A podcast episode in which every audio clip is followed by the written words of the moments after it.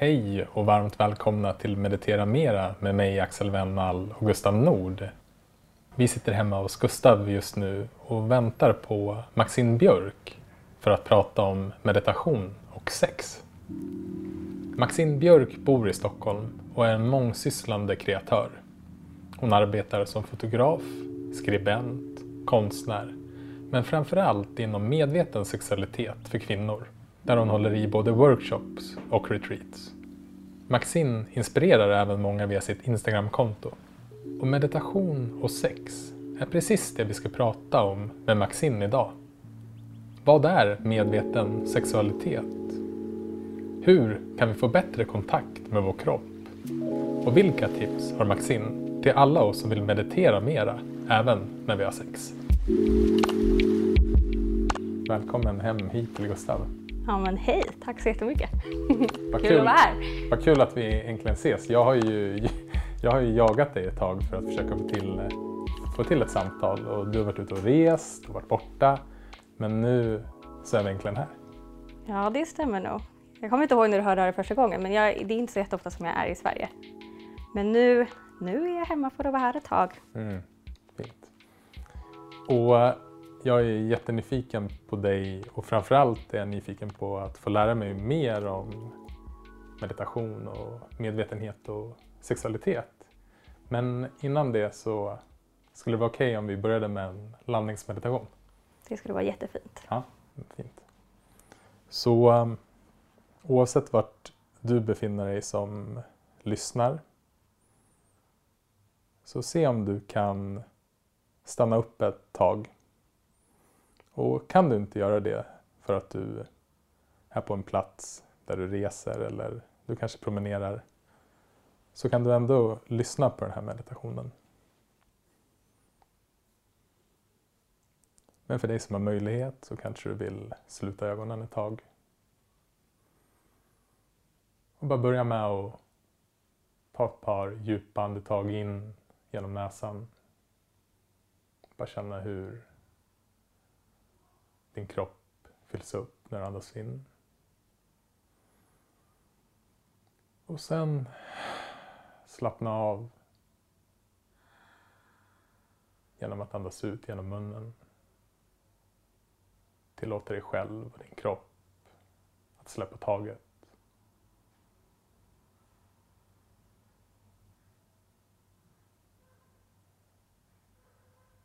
Och sen bara mjukt känna hur din kropp andas åt dig just nu.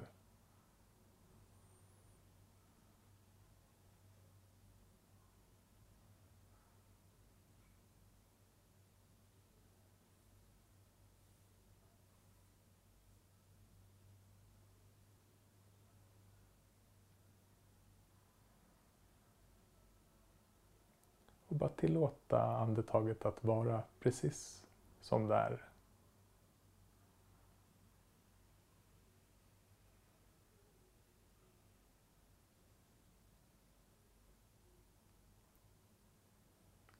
Och även att tillåta din upplevelse att vara precis som den är.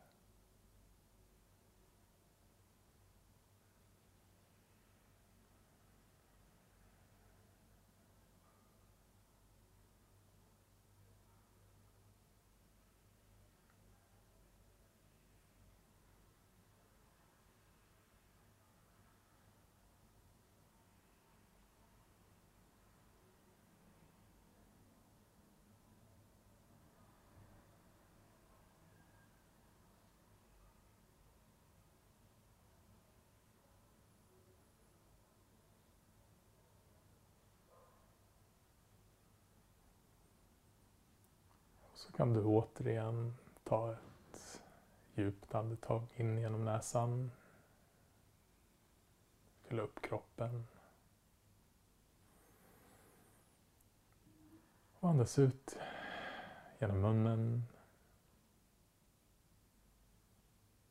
Vart du än befinner dig, känn din tyngd.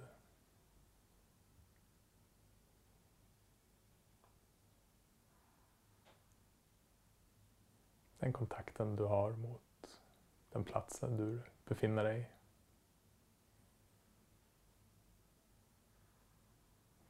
om du har haft ögonen slutna så kan du öppna dem.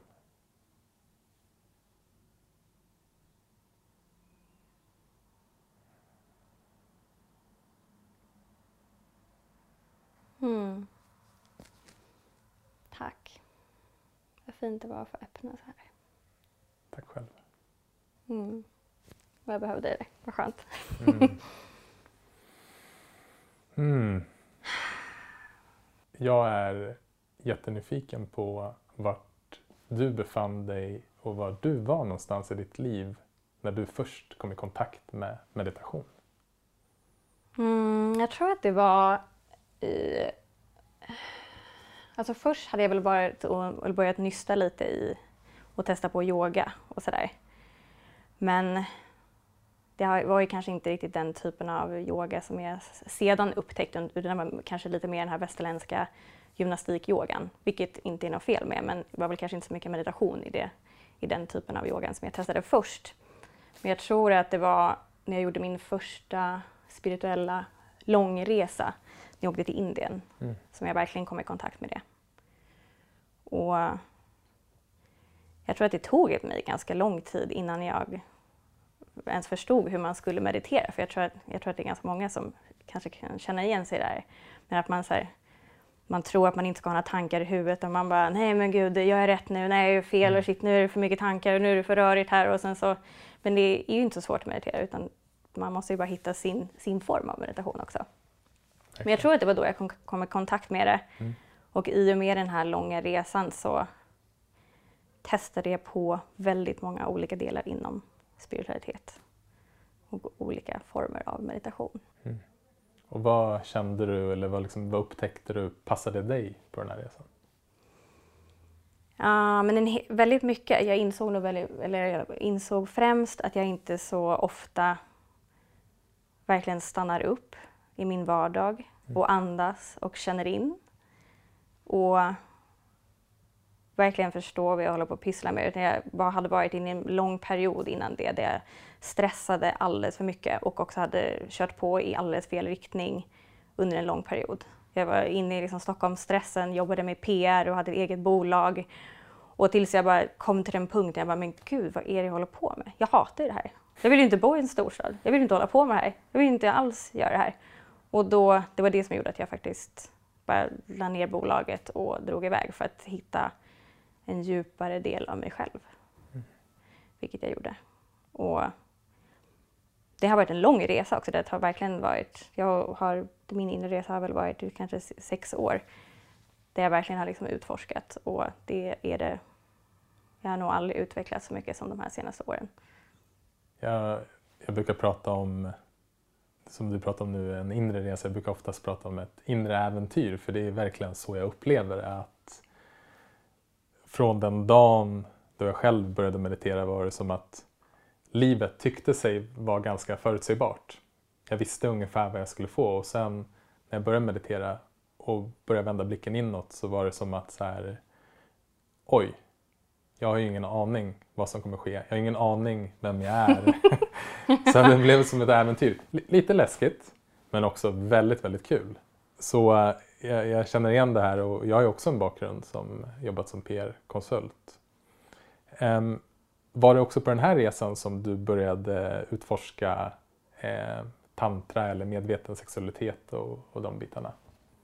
Um, det var det, eller jag hade väl kommit i kontakt med tantra redan innan. Mm. I och med att jag hade en, en älskare som jag upptäckte kunde mer om min vagina och kroppen än vad jag kunde. Vilket jag tyckte var ganska sjukt för att jag tyckte att jag var ganska medveten och hade ganska bra koll och kände att jag, så här, jag har tagit för mig, jag har lärt mig om mig själv. Och att ändå vara i den åldern så kände jag så här, ursäkta, hur kommer det sig att du kan det här? Så här, jag har tydligen mer att lära. Så att det, då såddes det, det lilla fröet. Men eh, sen så tog det ganska lång tid innan jag faktiskt, och det var inte som att jag, det var inte att jag åkte ut och reste för att jag skulle upptäcka tantra, utan det var som att jag åkte ut och hade ingen plan i tio månader och sen så kom det sig ganska naturligt att det, universum kom där med en liten silverbricka och Hallå, ska du inte gå på den här kursen? Mm. och så började det. Mm. Men medveten sexualitet är mer någonting som jag har döpt, döpt det jag gör idag. Ja, För att när vi haft lite kontakt innan så kontaktade jag dig lite utifrån premissen att ja, men vi kanske kan prata om meditation och sex och tantra. Och då svarade du att ja, men tantra just kanske jag inte vill prata om så mycket om utan mer om kärlek och närvaro och sex. För en total nybörjare, kan inte du försöka förklara för mig och för lyssnarna vad skillnaden kan vara och varför du också valt att prata mer om medveten sexualitet? Mm. Ja, men det är en bra fråga. Alltså, jag tror att anledningen till att jag bara inte ville prata om tant tantra bara är för att det har varit så himla mycket fokus på det när jag varit på, eller har varit med i olika intervjuer och grejer. Mm. Och, och det är inte så att jag Alltså att, jag in, att det inte är en del av min vardag längre, för det är det absolut. Så jag skulle nog vilja säga att jag lever på ett ganska tantriskt sätt på mång, ur många aspekter. Men sen så vill jag inte kalla det jag gör tantra för att det är inte bara tantra. Utan det är massa delar som jag har lärt mig från tantran som jag har också blandat ihop med, med andra olika delar som jag har lärt mig. Mm. Så, men tantra egentligen är bara ett hjälpmedel för att komma närmare sig själv. Och det är en ganska stor missuppfattning med, med att det är många, alltså när man säger tantra så kopplar människor direkt det att så här, åh gud, det handlar om sex och orger och öppna relationer och allt vad det kan vara för någonting. Och men så är det ganska missvisande, eller folk dömer det ganska mycket utifrån vad det inte är, men egentligen så säger man att det är typ bara 3 som, som faktiskt handlar om sexualitet när man, eller av tantra, liksom de uråldriga teachingsarna. Mm. Så egentligen har det varit ett hjälpmedel för mig att bara komma närmare mig själv, komma tillbaka till kroppen och sen också, in, det är verkligen inte bara pleasure och fantastiskt och härligheter i, i den världen utan det handlar väldigt mycket om att så här, självrannsaka sig själv och, och hitta alla sina shadow sides, gå tillbaka i alla sina trauman och liksom nysta upp de här små knutarna så att man, så att man eh, blir, blir, har enklare att göra med sig själv. Mm. Som ett inre ar arbete helt Ja, men som ett inre arbete. Ja. Och sen är det ju också, det är ju en form av eh, liksom, spirituell lineage. Så det är ju så mycket mer, det, handl, det är ju liksom som ett umbrella word för massastrologi, liksom, ja, men, hur, bara liksom ett sätt att leva på. Hur man, hur man gör allt på ett eh, medvetnare sätt. Hur man liksom kommer i kontakt med varenda liten detalj av sitt liv. Hur man äter, hur man dricker, hur man sover, hur man är i the present moment med vad man än, vad man än gör. Mm. För att backa tillbaka bandet till då du var med din älskare som uppenbarligen då visste mer om din kropp. Ja. Vad, hur liksom såg din resa ut därifrån och det utforskandet? Ja, alltså jag trodde ju också, jag hade ju också fördomen att det handlade väldigt mycket bara om sex. Mm. Och det, det är såklart en jättestor del ju, eh, om sex också. Eller, så det, jag började ju utforska utifrån den sexuell, sexuella aspekten. Och utifrån att jag hade gått på några kurser eller några workshops så insåg jag att hur mycket mer det var. Och jag tror att det som jag verkligen fastnade för var väl den, den spirituella aspekten på, på, på kärlek och eh, samliv. För jag tror att jag alltid har varit väldigt intresserad av, av allt som har med sexualitet att göra. Och innan jag var yngre så hade jag någon slags idé om att jag skulle bli sexolog men det var inte, mm. det, liksom, det klingade inte helt att göra den, den kliniska vägen i det hela. Så jag tror att när jag hittade tantra i början så kände jag verkligen så här, oj det här är verkligen right up my alley. Och liksom hitta ett djupare sätt i hur vi älskar med varandra, hur man är i kontakt med andra människor och med sig själv såklart. För det är A och O. Så starta med sig själv. Mm. Det du jobbar med idag, det beskriver du själv som medveten sexualitet, stämmer det? Det stämmer bra. Vad är det för dig? Ja, det är inte så mycket svårare egentligen att ha en medvetenhet över sin sexualitet. Och förstå storheten i sig själv. Jag växte upp i en, i en familj där som var väldigt öppen till att prata om sex och min mamma var väldigt så här, ja, men, det var ett öppet hus och man kunde fråga om allt och det var liksom, jag kommer ihåg en, de, en sak som min mamma sa till mig när jag var yngre var att hon bara, ja Maxine, hon bara, du kan inte förvänta dig till något som kommer du lära dig om vad du tycker är skönt och du måste utforska allt du, allt du kommer över. Sen så är det du som säger åt dina sexuella partners vad du tycker är skönt.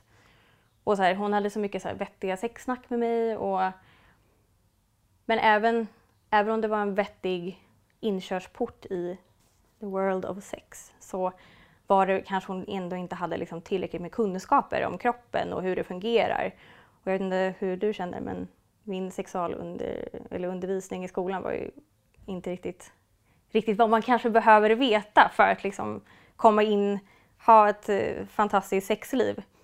Och, så det jag gör är väl egentligen att bara guida kvinnor tillbaka till kroppen och till sig själv och ger en kunskap om, om hur man fungerar, om storheten vi har, alla, alla våra olika pleasure points som ingen hade lärt mig tidigare och som de flesta är helt omedvetna om. Mm. Väldigt många kvinnor idag går omkring med numb vagina. Att man liksom inte har tillräckligt med känsel och där, där utifrån det liksom har svårigheter i många olika aspekter. Så att det, det handlar bara om att komma tillbaka till sig själv. Så det är väl en form av meditation. Mm, verkligen. Jag, var, jag tänkte just på det där lite grann, det du nämnde nu om sexualundervisningen i skolan. Om, eh, om du skulle få ta över en klass för en dag och, och lära dem om medveten sexualitet. Vad hade du, liksom, vad hade du lärt dem då? Oj, vilken spännande fråga. eh, det är lite roligt för min mamma jobbar, hon jobbar som lärare ja. eh, och hon undervisar i sexualitet. jag tror hon är episk på det. Eh, jag tror att det, det är ju extremt stor skillnad av att prata med vuxna människor om sexualitet och med typ barn om sexualitet. Mm. Så det vet inte, att det liksom inte ska finnas någon nå skämsighet om saker och ting, man frågar om man, det man inte vet om och sen så någonting som jag, alltså när jag analyserar tillbaka om sexualkunskapen eller sexualundervisningen, man fick ju inte veta någonting om njutning där. Utan det var mer bara så här, ja, här är den manliga kroppen, här är den kvinnliga snoppen, eller kvinnliga kroppen och här man stoppar snoppen i vaginan och sen så blir det ett barn, använd mm. kondom typ. Inte så här, oj, men det kan faktiskt vara riktigt skönt att ha sex. Typ. man gör det för att det är liksom, man har passion och, och hur man typ värmer upp och alla sådana här så himla viktiga delar. Och att, och ja, en av de absolut viktigaste delarna, boundaries. Mm. Att kunna sätta gränser. Framförallt som kvinna, men absolut som man också. Mm. Och det är också någonting som jag gör i mina workshops. Och lära sig sätta gränser för sig själv. För jag trodde nog faktiskt också att jag hade mer gränser än vad jag faktiskt hade. Och sen när jag analyserar tillbaka på tillfällen när jag var yngre så har jag nog insett att jag har gått över mina gränser ganska många gånger för att jag typ inte, det har aldrig blivit lärd riktigt hur man ens sätter gränser för sig själv. Hur man liksom navigerar i det filet. Och där tänker jag väl att en första bit är ju att bli medveten om vad är mina gränser? Ja, exakt. För det kan jag tänka är en typ av blind spot för många människor. Och sen hur man kommunicerar. Hur, eller kommunicerar. Så vad är dina bästa råd för hur vi kan uttrycka våra gränser och också hur vi kan komma i kontakt med våra gränser? Alltså jag tror framförallt att typ, så, ha diskussion med andra. Mm. Och att ens få höra typ, hur andra väljer att sätta gränser. Att man liksom har kanske mer diskussioner typ, i skolan om sånt här till exempel. Eller att man sitter i grupp med ett få höra hur andras referenser är och att kanske höra andras till, situationer och där man kanske, för det var i alla fall så som jag insåg att jag har gått över mina egna gränser. Då jag har kanske trott att jag varit med på saker men sen insett att så här, ja, det var jag nog faktiskt kanske inte alls genom att höra andra personer ha upplevt likadana grejer som mig. Så jag tror att prata mer öppet, prata mer öppet och ha dialog och, och och att, här, det inte ska finnas någon skam i att säga nej, men att här, våga säga nej. Och att, för jag vet att en rädsla som jag och många av mina tjejkompisar när man var yngre, när vi har diskuterat, när vi varit äldre, att man, man säger ja för att man är rädd att du blir avvisad, att någon ska tycka att man är dum eller att, man ska, att någon ska tycka att, mm. alltså, tycka Nej, men att det liksom blir så obekvämt att säga nej för att så här, åh nej, då kommer han typ inte gilla mig längre. Eller åh nej, så här, det här förväntas av mig. Att det finns så mycket förväntningar på hur man borde vara sexuellt. Och det är väl det vi måste skala av. Mm, verkligen. Det, det liksom känner jag igen mig också i utifrån en roll som en kille med, liksom, där det byggs upp olika förväntningar om hur man ska vara eller hur man borde vara. Och det, det, det blir så det, det, intressant att prata med dig för när du pratar om de här grejerna så är det, det är så självklart på ett sätt. Men när man inte är på den självklara platsen så kan det kännas ganska tungt ganska jobbigt. Om man, inte, om man har vant sig vid att man kanske inte pratar om de här sakerna så kan det ju upplevas ibland i vissa relationer som svårt. Men det är ju precis som, som du är inne på så är det ju så himla självklara men också viktiga aspekter att skapa liksom ett kärleksfullt samliv. För jag tänker också att det är mycket det det handlar om i någon form av medveten sexualitet. Och det här ställer jag mer som en fråga till dig. Att, att kunna hitta till den mera liksom kärleksfulla mötet. Det närvarande mötet. Verkligen. Mm. Och en väldigt fi, ett fint sätt att göra det på. Nu kommer det väldigt juicy detaljer här. Men ett, en väldigt fin övning som jag lärde mig när jag varit på medvetna sexfester. Med att just det här, det är ju väldigt många som har problem med att få ett nej till exempel. Mm. Och det är väl det, det, man i grund och botten är ganska rädd för, att man, eller ge ett nej till någon. Och eh, en övning som vi alltid gjorde inför de här sexfesterna, för då var man kanske en grupp människor som vissa kände varandra, vissa kände inte varandra. Men också att det finns ju för det första inga förväntningar på vad som ska ske där eller inte. Man kan ju komma dit och bara sitta och dricka te och iaktta eller vad man nu känner för att man vill göra. Men att när man liksom öppnade upp hela spacet och hade berättat om sina fears, desires och, och boundaries så var det ändå, man, man fick liksom göra övningar med att man var tre personer och att man då frågade så, ah, men hur känner du inför att jag tar, lägger min hand på ditt lår just nu? Och då fick man öva på att säga nej. Så nej, det vill jag inte. Och då skulle den andra personen svara då, oh, thank you for taking care of yourself. Mm. Med att inte så här, med ett avvisande så här, va? Vill du inte det här med mig? Typ med så här, åh, men gud vad skönt att du tar hand om dig själv och säger nej till mig. För att man vill, om jag skulle se till mig själv, man vill ju inte interagera med någon som faktiskt inte vill interagera med mig. Det skulle ju kännas som att man blivit snuvad på konfekten efter av att föra så här, gud, jag, jag hade precis en härlig stund här med någon, trodde jag. Men den här personen ville egentligen inte vara med mig, men de vågade inte säga nej. Så det är egentligen bara ett synsätt, man, man måste vända på kakan på något sätt. Mm.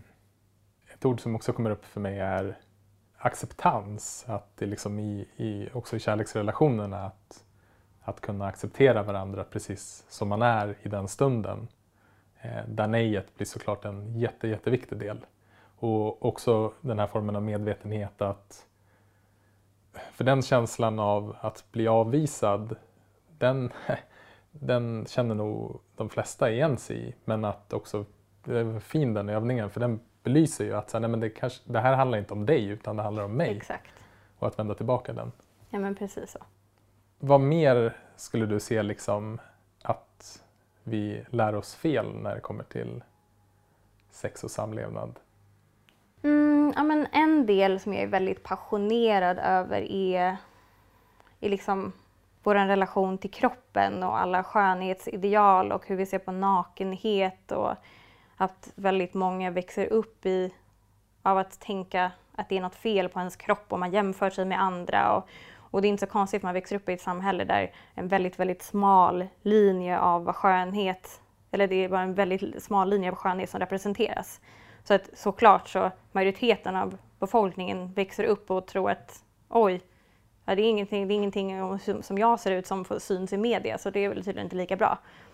Och ja, men så många som har komplex över olika saker och inklusive mig själv och man kan inte jämföra sina komplex med någon annan.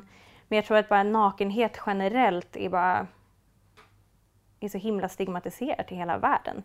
Och jag växte upp i, ett, i en familj där min mamma sprang kring naken hela tiden. Jag tyckte när jag var tonåring tyckte jag det var så pinsamt och jag hatade att min mamma alltid var naken. Och jag, när jag hade med mig kompisar hem så gick jag alltid in först och bara “mamma, har du kläder på dig?” För att jag typ någon gång hade kommit in så hade hon mm. stått naken i köket och bara “hallå!” och tänkte att jag, så där kommer jag aldrig vara. Men nu har jag blivit en mycket värre person än henne. Ska man nog kanske kunna säga. Men jag bara, bara så här, och någonting som jag, som jag jobbar väldigt mycket med är just nakenhet av att bli bekväm med sin egen kropp, mm. avdramatisera nakenheten. Mm. Och någonting som jag i alla fall har lärt mig, eller som jag har upptäckt funkar väldigt bra, eller även för mig själv, med att, med att göra kanske inte vardagliga ting, men så att, att, till exempel skapa tillsammans fast man är nakna. Att man gör, man gör en slags övning in till nakenheten men sen är man i någon slags konstskapande och då är det som att man nästan glömmer bort att man faktiskt är naken. Jag har gjort ganska många så fotosessioner med en grupp kvinnor som från början då haft jätteobekväm, de har liksom aldrig kanske varit nakna i grupp förut, de tycker att det är jättejobbigt och de skäms över olika saker på sin kropp. Men sen när man typ har ett annat syfte där med att ah, men vi, ska, vi ska skapa konst tillsammans. Så är det mm. som att men man glömmer lite bort och i början tycker folk att det är lite jobbigt men sen helt plötsligt så under loppet så glöms det bort och sen i slutändan så skuttar alla omkring och saker och ting fladdrar hit och dit och det är som att man helt plötsligt inte man jämförs inte med andra på samma sätt längre utan det är snarare som att man är, blir en stor styrka tillsammans. Man är, blir en entity kanske. Mm. Fint. Jag, ehm, jag var lite knubbig som ung och eh, har väl liksom insett när jag började meditera att så här, ja men det där har nog ändå liksom satte djupare spår än vad jag kanske själv trodde. Liksom. Och, och det är intressant det här med, med kroppsideal. Och jag, det, för det är, liksom, det, det, är verkligen någonting som jag, även om det liksom ter sig kanske olika, det, liksom, det sker både hos män och kvinnor. Men så, så då är det liksom någon övning du gör med, med eh, människor eller par eller singlar som du jobbar med Uppskatta sin kropp på det här sättet genom att bara spendera mer tid nakna hemma? Eller? Ja, det är inte så att man kommer på mina workshops och tar man sig naken det första man gör. Nej. Eh, absolut inte. Så det är ju kanske en gradvis. Mm. Och det är ju inte så att det förekommer nakenhet i allting vad jag gör heller. Eh, men ibland kan det vara en del. Mm. Men då står ju alltid det till exempel. Men det är väl en resa dit. Man måste skala av kanske lite obekvämhetslager innan och sen framförallt att dela också med andra innan med vad det är som känns obekvämt att vara naken. Att till och med säga högt inför andra typ att ja, men det här har jag komplex över. Typ att, ja, men, som jag, en sak som jag har haft eh, problem med hela min uppväxt är att jag fick ganska mycket eksem och allergiutslag. Och jag har skämt så himla mycket för det och typ inte vågat ha så här bara armar och inte... För att jag har... Det, är liksom, det ser man ju aldrig på några några tidningsomslag eller man ser aldrig några, någonting inom skönhetsnormen att så här, det skulle kunna vara fint att ha mönster eller prickar mm. eller någonting. Så jag tror att, att bara dela med sig om andra och sen också se hur många andra det är som oftast också är, ja, jag också. Så bara, ah, oj gud, jag var inte ensam om det här. Och bara alltså, att prata om sådana här saker och dela med sig, ha så här sharing, så, så är det så det blir, är redan där så avdramatiserat väldigt, väldigt mycket. Mm. Jag fick upp en tanke nu, jag, jag, bor just nu temporärt hos mina svärföräldrar så det hade varit extremt intressant att ta med den här övningen just nu. Då får jag verkligen öva på, på mod. Tror jag. Oj, ska du komma hem och berätta vad dina komplex är och fråga vad det är? Så och sen ska vi ta oss nakna. Oj. Eh, du, du har varit inne lite grann på det om eh, njutning. Och jag misstänker att det du framförallt kanske jobbar med är det kvinnlig njutning och den kvinnliga kroppen. Ja, absolut. Så för både alla våra manliga och kvinnliga lyssnare, liksom, hur kan man få bättre kontakt med sin kropp och, och hitta de här eh, njutningspunkterna som kanske är dolda för många? Jag tror att alltså den, största, eller alltså den viktigaste poängen i det hela är att vi lever i ett ganska goal-oriented samhälle där saker ska gå snabbt. Man ska rusa i mål. Vem kan komma först? Vem kan komma flest gånger? Mm. Och sen glömmer man hela, hela den fantastiska resan dit och hur härligt det är att bara typ titta på varandra och ta på varandra och kanske inte behöver kanske inte ens leda till penetration men att bara så här, vara med varandra i, ja, men i the present moment. Gud, vad heter det på svenska? I nuet, och vara i nuet. Um, och ehm, jag har själv varit där och det är inte så himla lätt heller när man har en så stressig vardag av att hitta tid och ro. Men jag tror att någonting som jag och min kille har gjort som jag tror är väldigt, eller som har varit väldigt fantastiskt är att, eller har hjälpt oss väldigt mycket när vi har också stressiga perioder. För att ibland har man tid att ha sex hela tiden och ibland så är det kanske lite mer kompromissat och liksom att ha tid för varandra. Men vi har en dag i veckan där vi har flera timmar avsatta för varandra vi inte behöver ha sex kanske, men att vi, vi kallar det för en gourmet sexdag. Mm. Där vi åtminstone har gourmettid med varandra. Där vi kanske ge varandra, varandra massager eller gör, gör olika överraskning för, eller överraskningar för varandra. Eller saker vi vet att vi uppskattar eller bara ha världens längsta förspel. Men jag tror att det viktigaste, alltså ut, för jag tror inte att det viktigaste att veta liksom alla orgasmpunkter man har inne i, i vaginan till exempel. Det är absolut en, en fördel. Det är såklart jätteintressant att lära sig det också. Men jag tror att de flesta, inklusive mig själv i mina unga år, var att jag hade sex utan att känna och utan att vara ens ha mitt medvetande i min vagina utan det var, man fokuserar på så mycket andra saker när man, när man har sex med att oj, oj, gud, hur, kanske, hur ser min valk ut där? Gud, ser mina, när rider av någon? Gud, hur ser mina bröst ut? Ser de hänga ut härifrån? Typ så, gud, vad tänker han nu? Mm. Och när man tänker på allt det där, det är såklart att det blir jättesvårt att vara i kroppen samtidigt och, vara, och ens kunna, kanske kunna få orgasm och känna njutning själv. Så jag tror att sakta ner. Gör allting mycket långsammare och mycket, in, mycket mer inkännande.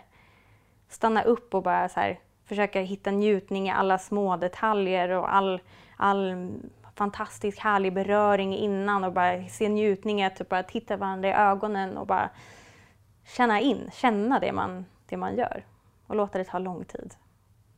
Det är ju intressant när du beskriver det här för egentligen det du beskriver är ju en direkt översättning av vad det innebär att leva ett närvarande liv men man också gör det tillsammans med någon i, i, liksom, i ett sex och samlevnad.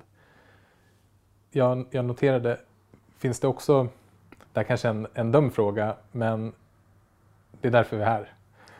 Det finns inga dumma frågor. Exakt. Så under det mera då liksom medvetna sexet att flytta in uppmärksamheten i kroppen men också att flytta uppmärksamheten mot könet. Är det också en del i, i att kunna skapa mer njutning och kunna skapa mer närvaro och att, att uppmärksamheten, men precis som du var inne på att den, den kanske tidigare när du hade haft sex så var den bara oj hur såg jag ut och då skulle man kunna se det som att då var en, din medvetenhet i dina tankar kring det som hände.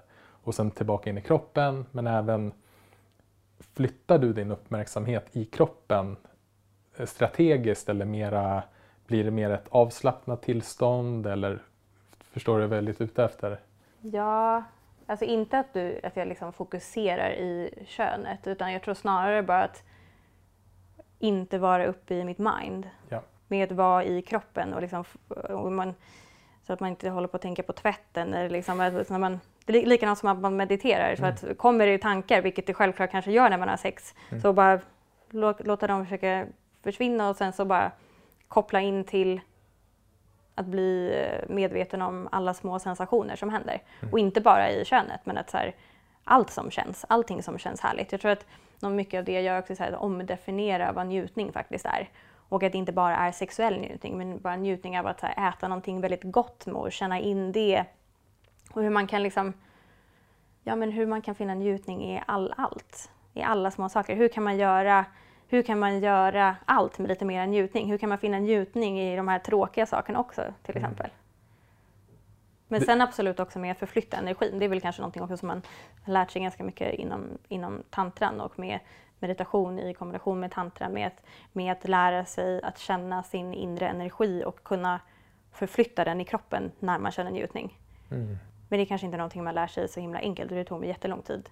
Och, och för, förstå hur det ens fungerar i kroppen. Jag, jag kommer ihåg faktiskt när jag började meditera så tyckte jag typ att så här, men ja, ja, det där är ju bara bluff och båg. Typ så här, det är ingen som känner den här energikroppen på riktigt. Men så här, jag, jag spelar väl med typ.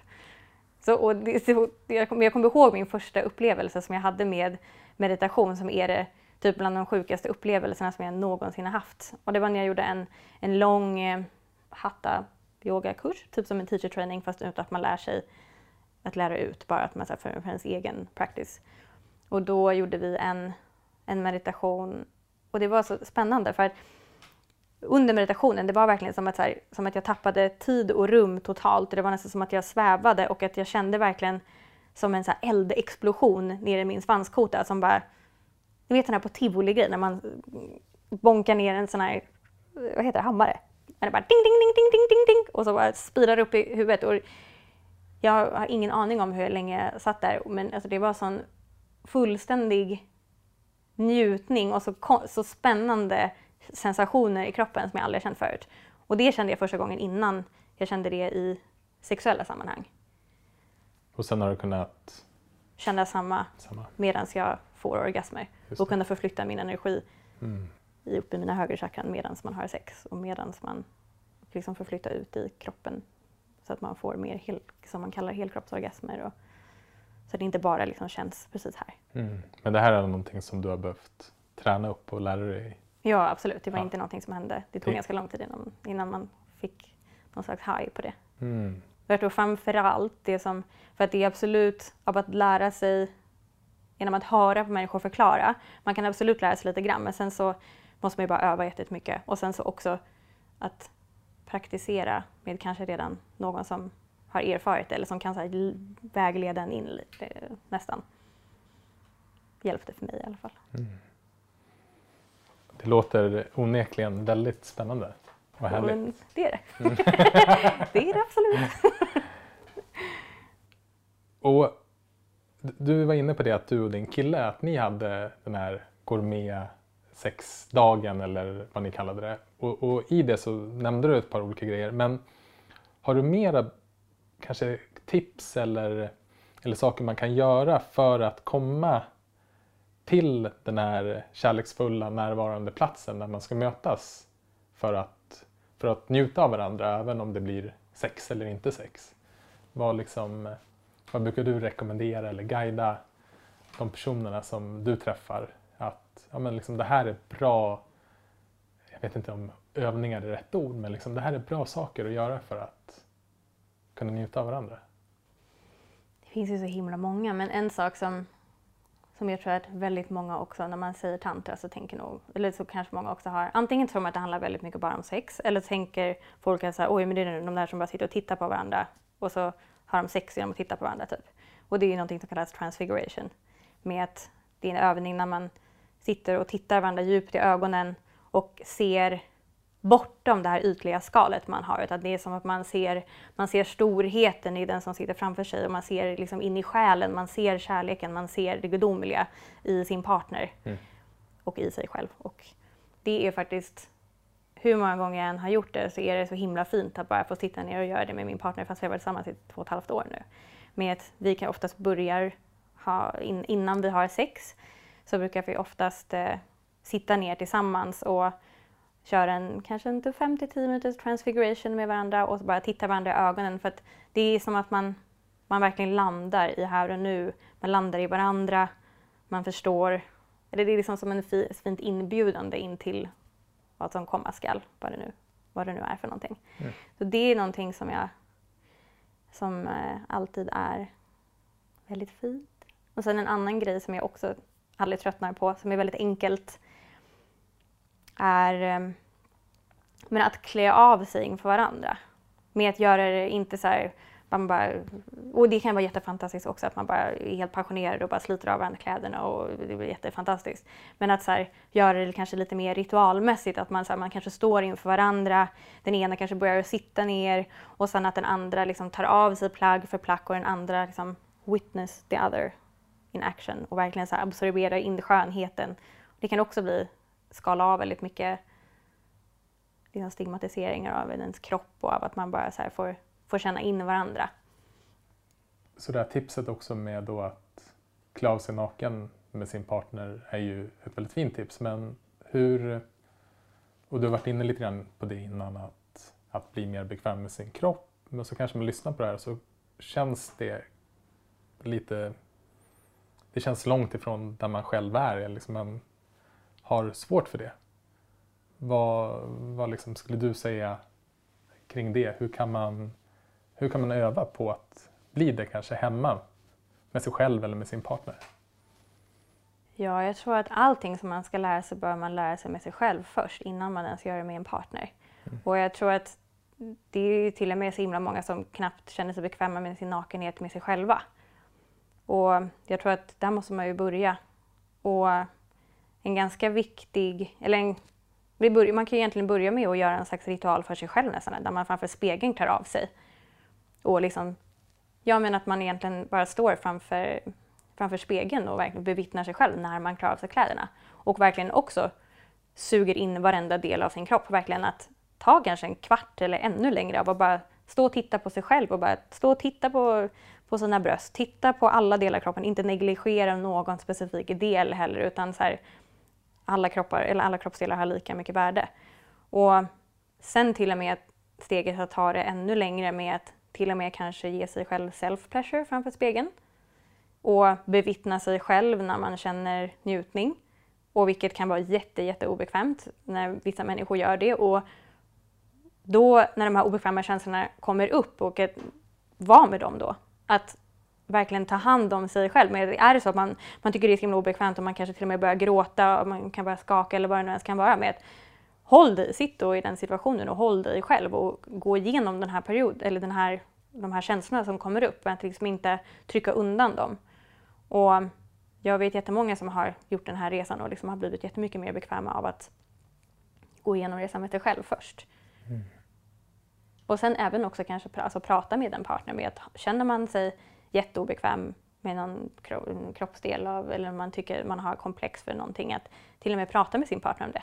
Jag vet att jag till och med, även, även om jag har gjort en jättelång resa med mig själv, så när jag, ibland när jag får jätteallergireaktioner så kan jag också känna mig så här avtrubbad från att jag känner mig sexig eller att jag känner mig så här, oh, jag kan känna att jag säger, oh gud, nu vill jag verkligen inte ha sex för då behöver jag vara naken och så ska han se alla mina prickar på kroppen. Typ. Och när jag faktiskt har berättat det för honom och liksom tillåtit mig själv att känna alla de här känslorna och få gråta ut och han har hållit om mig i det så har det gått, tagit, eller gett ett, eller givit ett kliv på vägen. Mm.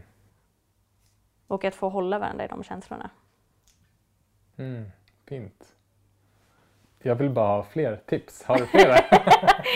ja, du får komma på en liten workshop. Ja, det kommer jag garanterat göra. Ja, min kille kommer att ha lite roliga grejer höst, till hösten ja. för både män och kvinnor och för par. Vad roligt. Mm. Någonting som jag slås av ju mer och mer vi pratar är att det här känns som en resa verkligen att, jag vet inte om jag ska kalla det ett mål, men, men liksom en resa mot att älska sig själv och att verkligen inkludera sin, sin kropp och sin sexualitet och alla de delarna. Att tillåta sig själv att få njuta, för bara det kan ju vara en, en del som man kan ha en barriär mot. Att man inte tillåter sig själv att, att få verkligen njuta av vad det här livet har att erbjuda. Är det någonting, känner du igen dig i det? Har det, liksom, har det varit en sån resa för dig själv? Men jag tror, jag tror nog ändå att även om min mamma var väldigt noggrann med att eh, lägga vikten i, i min njutning och att det är viktigt att ta för sig och att lära sig om sin kropp och diverse. Men jag tror nog ändå att samhället på något sätt ger inte en fördelaktig eh, vinkling för kvinnor i sexlivet från att man är yngre. Och det är ganska mycket fokus på mannens njutning. Och mm. kollar man på porr idag så är det ju, är det ju alltså, eller mainstream porr, så är det ju verkligen fokus på, på kuken, liksom, det är alltid att varje porrfilm slutar med utlösningen typ. Och oftast ganska kvinnoförnedrande. Och jag tror att det liksom har lagt sig i liksom the subconscious om, av en själv. Och även om jag kanske tog för mig mer än vad andra gjorde så tog jag ju verkligen inte för mig tillräckligt när jag var yngre heller. Och jag tror att, ja, alltså jag tror att det är nog ett av våra största problem. Att vi måste omvärdera vad njutning först är och sen förstå att vi alla är värda att ha njutning. Sen den resan ser ganska olika ut för alla tror jag. Mm. Finns det någonting som, som du märker att, jag förstår att det här är en kanske lite väl generell fråga, men att vi killar kanske inte är så uppmärksamma på som, eh, som du har kommit i kontakt med under din resa och ditt jobb. Att, eh, men, något sätt som, som vi, vi kan lyfta blicken på. Ja, absolut. Alltså jag tror att knowledge is key. Mm. Att lära sig mer om både manlig sexualitet och kvinnlig sexualitet och hur den funkar tillsammans. Och är, det, är man två kvinnor eller två män så får man alltså, inga, inga relationspreferenser här. Men, men jag tror att en av de viktigaste delarna som både män och kvinnor bör veta om är att alltså, ofta hur en och nu pratar jag också generellt för att det fungerar, man fungerar väldigt olika såklart. Kroppen är komplex men att generellt så har ju kvinnor, det tar väldigt mycket längre tid för en kvinna att få en orgasm än vad det gör för en man. Och att oftast så fokuserar man, eller så blir samlaget så pass långt som mannen tills mannen får sin utlösning. Nu pratar jag om en heterorelation. Ja. Och då så finns det helt plötsligt inte utrymme för kvinnan att ens komma dit. Så jag tror att det viktigaste är väl att man måste utforska tillsammans. Man måste kanske, om man är tillsammans i en relation där kanske mannen har, kommer ganska snabbt så måste man kanske hitta sätt om man, hur man tar sakta ner lite och att man kan gå tillbaka till kanske oralsex eller någonting annat för att ge njutning. Men sen framförallt bara att eh, men att eh, utforska tillsammans. Ofta så vet kanske inte kvinnor heller riktigt vad som de tycker är skönt. Eh, och dem, det är ju A och O såklart, för att mm, det är svårt för männen att gissa vad kvinnorna tycker om de, om de inte ens vet om det själva. Så att jag tror bara att ett mycket bredare utforskande, både själv och tillsammans, är super, super viktigt. Och sen att också våga prata med varandra och fråga fråga, ja, men, våga fråga varandra vad, vad, man vill ha, våga be om det man vill ha. En övning som kan vara ganska, vara ganska rolig att göra för att, för att det inte ska bli så här, så att det inte blir några fel med att man beordrar någon att göra någonting eller sådär, eh, är att om man är då ett par så börjar kanske den ena personen av att, av att ligga ner och den andra personen testar massa olika saker och olika typer av beröring och sen så säger den som ligger ner då allting som de, de bara, åh men det här är skönt, men ja, det här gillar jag inte lika mycket, så här, ah, men det här vet jag inte, men jag typ som guidar liksom lite grann med att bekräfta vad man tycker är skönt och så, så kanske man snappar upp lite mer vad den andra gillar. Eh, och sen en annan övning för att så här, lära sig att faktiskt säga att så här, ah, men det här tycker jag är skönt, kan du göra det här? Är att man gör en övning med att en person då ligger ner och den ska beordra den andra, inte beordra, men liksom säga till den andra vad den ska göra. Och om den inte säger någonting så är den andra personen still. Så att så här, okej, okay, man ser mina ben. Så masserar man benen lite grann och sen så slu, till slut, eller om det inte den här personen då säger någonting mer så tar det stopp.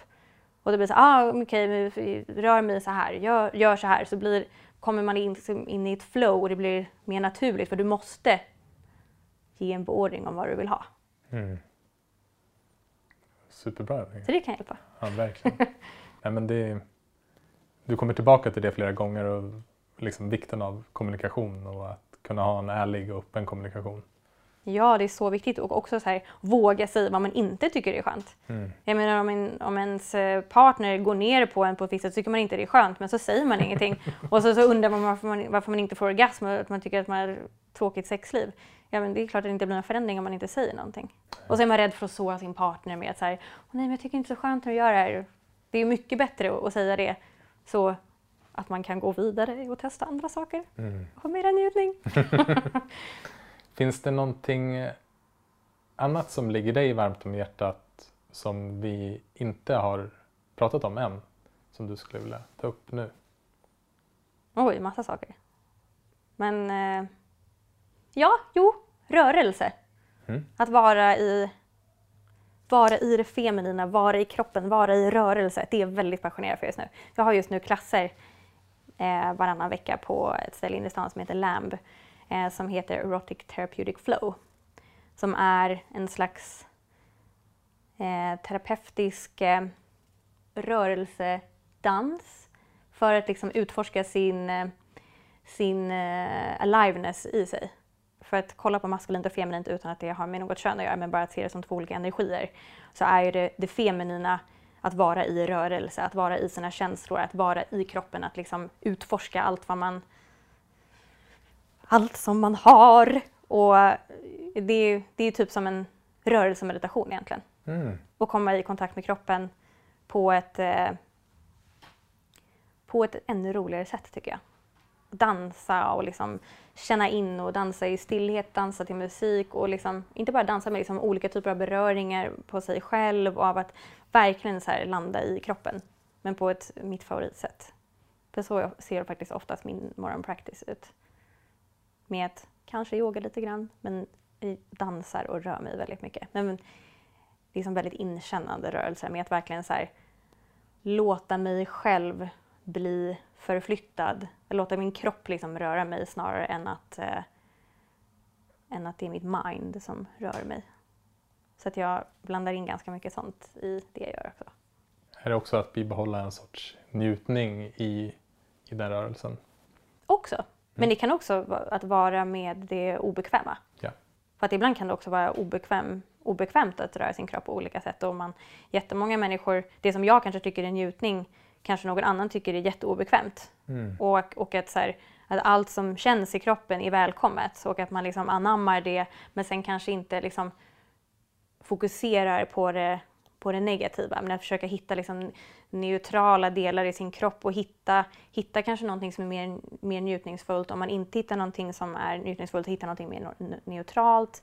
Men att verkligen kanske komma i mer kontakt med sitt nervsystem. För det är någonting som jag kanske har haft verkligen svårt med innan. Utan jag har liksom inte, jag har inte vetat hur jag ska liksom self-source och liksom hur jag ska ta hand om min kropp i olika situationer. Om jag har känt mig överväldigad, om jag har känt ångest, om jag har känt mig stressad så har jag liksom inte vetat vad jag ska göra för att lugna ner mitt nervsystem och liksom komma tillbaka till kroppen. Mm. Det finns ju så många olika sätt att göra det på. Just det. Men den här då den här rörelsemeditationen som du gör, hjälper den dig att få kontakt med det eller hjälper den dig också att lugna dig och komma ner i det parasympatiska nervsystemet och grunda dig och känna dig närvarande? Absolut. Ja. Det är inte bara, det är inte bara liksom i hektisk rörelse utan det kan ju egentligen vara, ibland kan det vara jätte, jättelångsam rörelse också. Mm. Med att verkligen så känna det man gör. Fint. Du, vi har en del i podden som vi kallar för Fem snabba. Mm. Så bara det första som kommer upp. Okej, Vem eller vad gör dig närvarande? dans. Vilken sexställning skulle du rekommendera lyssnarna att utforska? Missionären med ännu mera närvaro och ögonkontakt samtidigt. När grät du senast? Nej, idag faktiskt. Eller det var inte riktigt, men jag fick några tårar i ögonen när jag pratade med min mamma på telefonen som var ganska rädd och sjuk. Mm. Vad är du tacksam för just nu? Tacksam för den platsen, eller för för att jag, för där jag är i livet just nu. För det känns så himla rätt med där jag är och det jag gör. Vilket är det bästa rådet du har fått? Att göra allting mycket långsammare. Fint. Och när jag gör det så lång, när jag gör det riktigt jävla långsamt, gör det ännu långsammare. det är mitt bästa tips. Och det är vad jag fortfarande behöver påminna mig själv om ibland. Man har lyssnat på det här samtalet och ehm, skulle vilja lära sig mera. Vad, vad skulle du rekommendera folk då att göra? Du har nämnt att du har några kurser bland annat och sådär. Men om man vill gå djupare in i sin medvetna sexualitet och kanske göra det i lite mer organiserade former. Hur går man tillväga? Ja, det finns ju så många sätt att göra det på. Men man eh, typ, googlar runt vad det finns för olika typer av kurser i, där, man, där man är, i, där man bor eller, eller online. Eller jag kommer att ha workshops i Stockholm i höst för kvinnor främst. Men eh, ja, det finns ju så himla mycket om man bara googlar. Ett litet knapptryck bort så finns det massor. Mm. Om det nu är tantra man resonerar med eller om man bara vill lära sig om sexuell hälsa eller, eller vad det nu kan vara. Inne på min Instagram ser man ganska mycket små grejer. Mm. Eller små tips här och var. Och, Just det. Tusen tack för att du kom hit idag och för att du har utbildat mig mera i medveten sexualitet och framförallt tror jag det jag verkligen fått med mig är att hitta njutningen i det lilla. åh, vad fint. Tack så jättemycket. Och det var jättefint att få vara här. Och det var verkligen väldigt fint med din meditation du hade i början. Jag kände verkligen att jag landade i mig själv och den. Tack. Tack så jättemycket. Tack för att du har lyssnat på det här avsnittet av Meditera Mera med Maxine Björk. Vi hoppas att du har blivit inspirerad av vårt samtal. Och om du vill komma i kontakt med Maxine så hittar du hennes kontaktuppgifter på vår hemsida mindfully.nu. Och är det något vi har tagit med oss från vårt samtal med Maxine är det att ta det mycket, mycket långsammare. Ta hand om dig så hörs vi snart igen.